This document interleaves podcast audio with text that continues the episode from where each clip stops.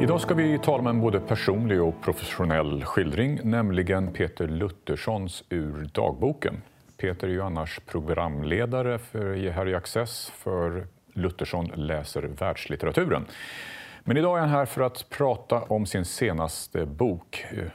Det är ett urval mellan åren 78 till 2012. Och nu eh, så vill vi gärna hälsa dig välkommen, eh, Peter, för att du ska prata om en liten del av detta, nämligen dagspressen, litteraturen och litteraturvetenskapen och bokbranschen. Jag måste bara få inskjuta att det är ett mycket, mycket litet urval. Ja, men det duger gott under dessa 15 minuter, Peter. 2004 var du på visning av Sundsvalls Tidning. Eh, och du beskriver det här som ett barbari utan onda avsikter. Vad ligger bakom den beskrivningen? Ja, det var ju en känsla av att någonting i pressen höll på att förändras. Sundsvalls Tidning var ett mediehus. Jag tror de var tidigt ute, de var duktiga. De lät eh, tryckt tidning samverka med webb och med radiokanal. Och först blev jag imponerad av deras eh, professionalism. Så.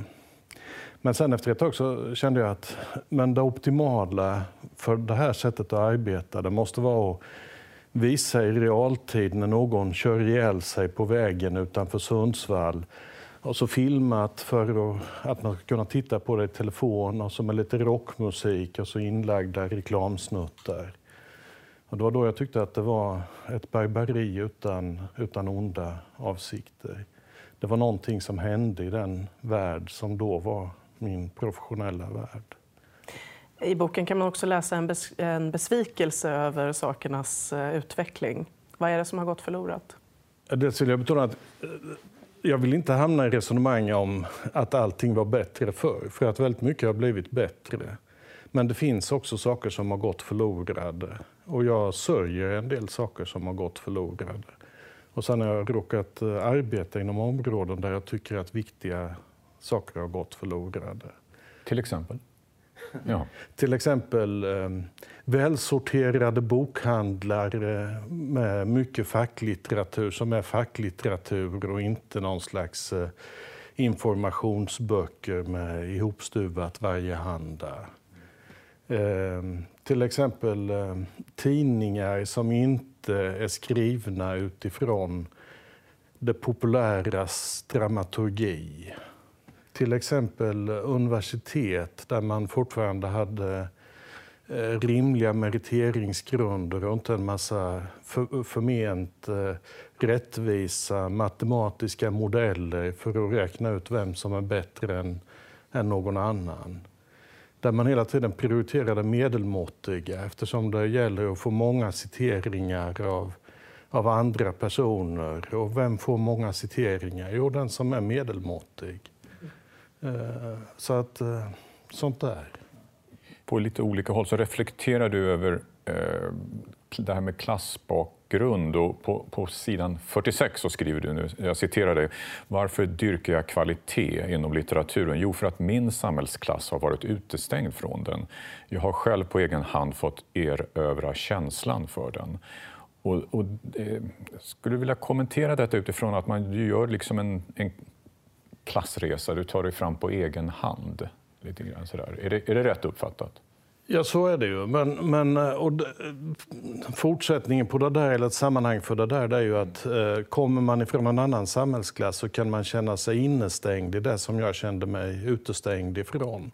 När jag kom till universitetet i Lund så tyckte jag att det var ett fantastiskt Schlaraffenland slaraffenland som var någonting annat än, eh, än min eh, bakgrund. Och man kunde då på universitetet ändå läsa enstaka kurser och läsa det man var intresserad av och hoppa runt eh, i utbildningssystemet istället för att genast av rationella skäl låsas fast vid ett program så att man trillade ut formpressad på samma sätt som en massa andra människor som också hade gått program.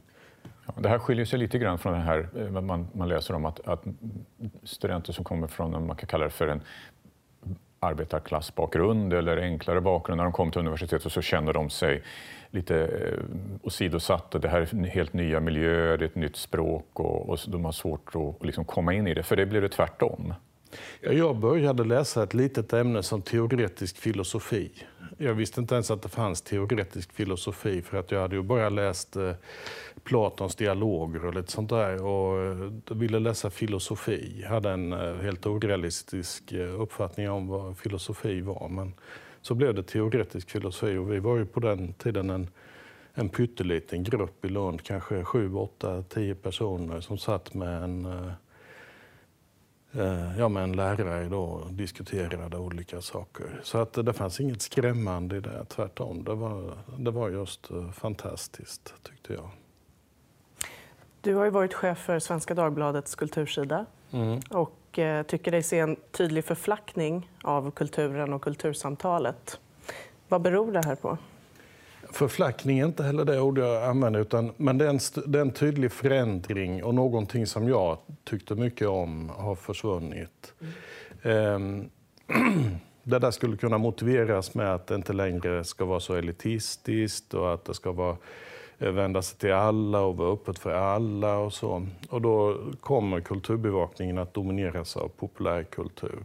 Medan högkulturen blir hemlös.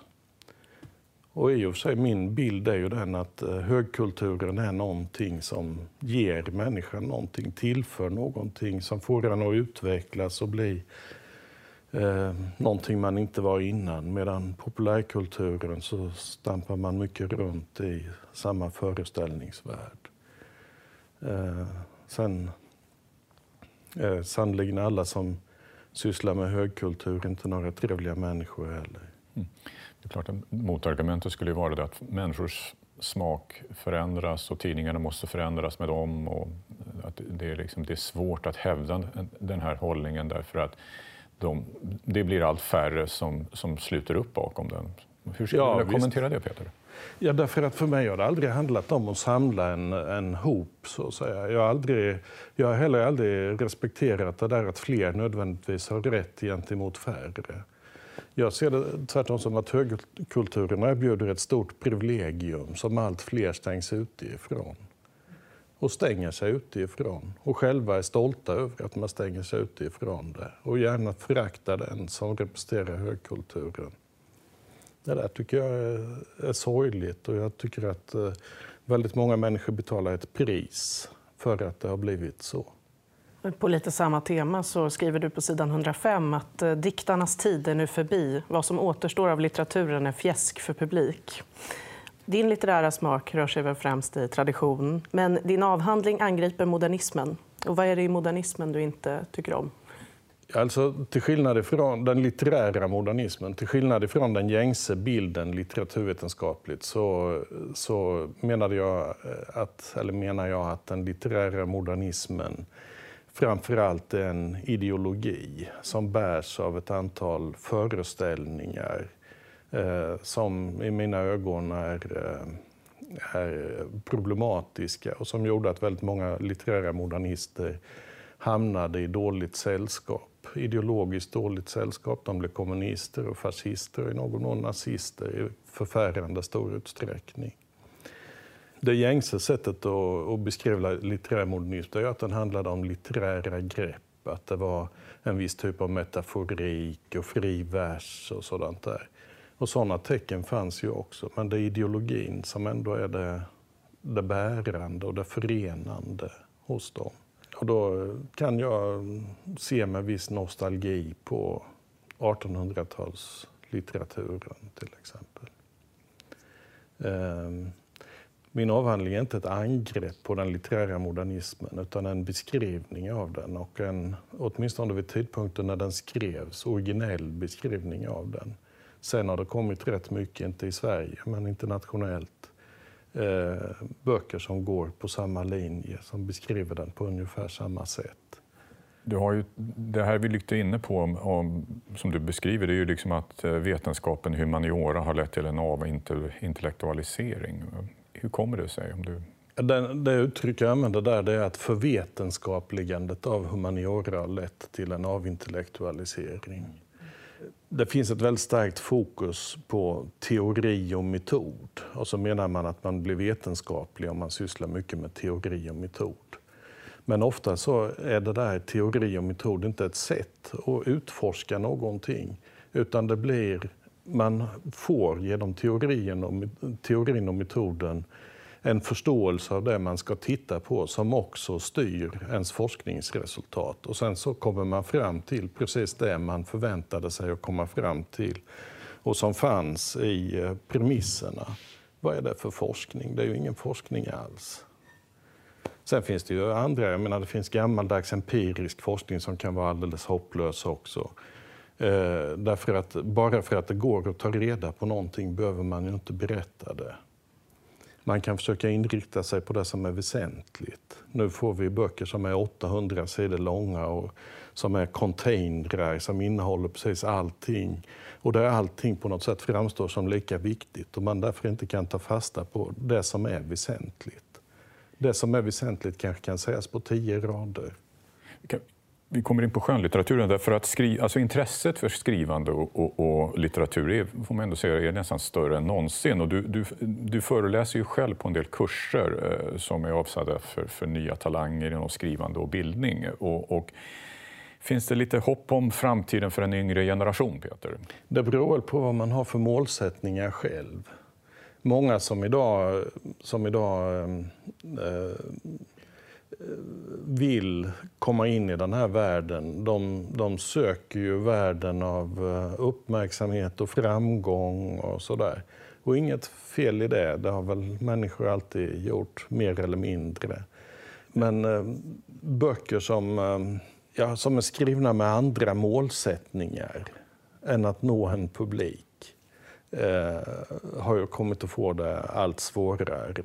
Då kan man säga att sådana böcker går ju att skriva ändå. De kan skrivas i en liten krets. Den där boken jag själv har, har gjort är ju ett exempel på den. Den är ju inte gjord för att säljas i bokhandel eller någonting, utan den är, den är gjord för att läsas av eh, människor som jag har någon slags relation, eller som har en relation till mig och som, eh, eh, som kan vara roade av att läsa den. Men den är, den är, den är skriven i en helt annan ordning än det här som Katarina citerade som, eh, som är att det är skrivet för förströelse. Alltså, många böcker idag, framgångsrika böcker, de är ju koncipierade aldrig som verk utan som varor.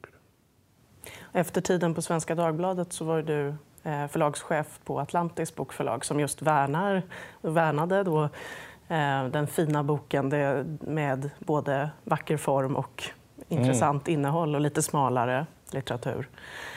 Du, du, skriver också i boken här om eh, bokbranschens chansering och det avsmalnade sortimentet. Vad hände här på vägen? Ska man se en sån där sak som, som har inträffat så är det ju att eh, de två stora förlagsaktörerna, alltså Norstedtsfären och Bonniersfären äger de två stora försäljningskanalerna. Eh, Norstedtsfären, Akademibokhandeln och Bonniers eh, Adlibris. Och skapar system som eh, gynnar dem själva och varandra, för det är ett växelspel mellan dem.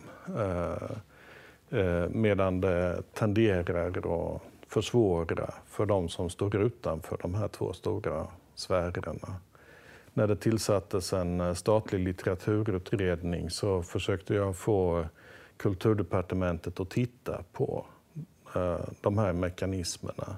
Men det var ju ingen som var intresserad av det naturligtvis. Och det var inte bara jag som försökte utan det var flera andra eh, förläggare på mindre och medelstora förlag som hade samma uppfattning. Och vi uppvaktade Kulturdepartementet gemensamt och vi bildade en liten grupp som eh, skulle fungera som eh, eh, ja, påtryckningsgrupp som vi kallade de oberoende. Men det hjälpte inte, kan man säga. Då. Jag bara en, en sista... Nej, det fanns inget intresse på det kulturdepartement som leddes av Lena Adelsohn Liljeroth. En sista fråga bara. Är det ändå inte positivt att i hela den här utvecklingen så finns det ändå en en viss typ av independent förlag, småförlag som dyker upp och som hävdar ett, ett slags kvalitetstänkande. Om du kan, liksom, ja, du kan avsluta lite i dur i alla fall. Jag avslutar i dur. Det, fi det finns absolut. Och det finns många som gör fina insatser. Dessutom finns det många som skriver i dagstidningar fortfarande, som skriver bra artiklar. Det finns andra publicistiska organ idag som inte fanns eh, innan som kan vara bra. Så att, eh, visst, det finns eh, en massa sådana tecken också. Dessutom har jag, har jag sagt att eh, steget från en värld av sorger till en värld av skval är ett stort framsteg för mänskligheten. Tack Peter, utmärkt avslutning. Tack för att du kom hit. Tack.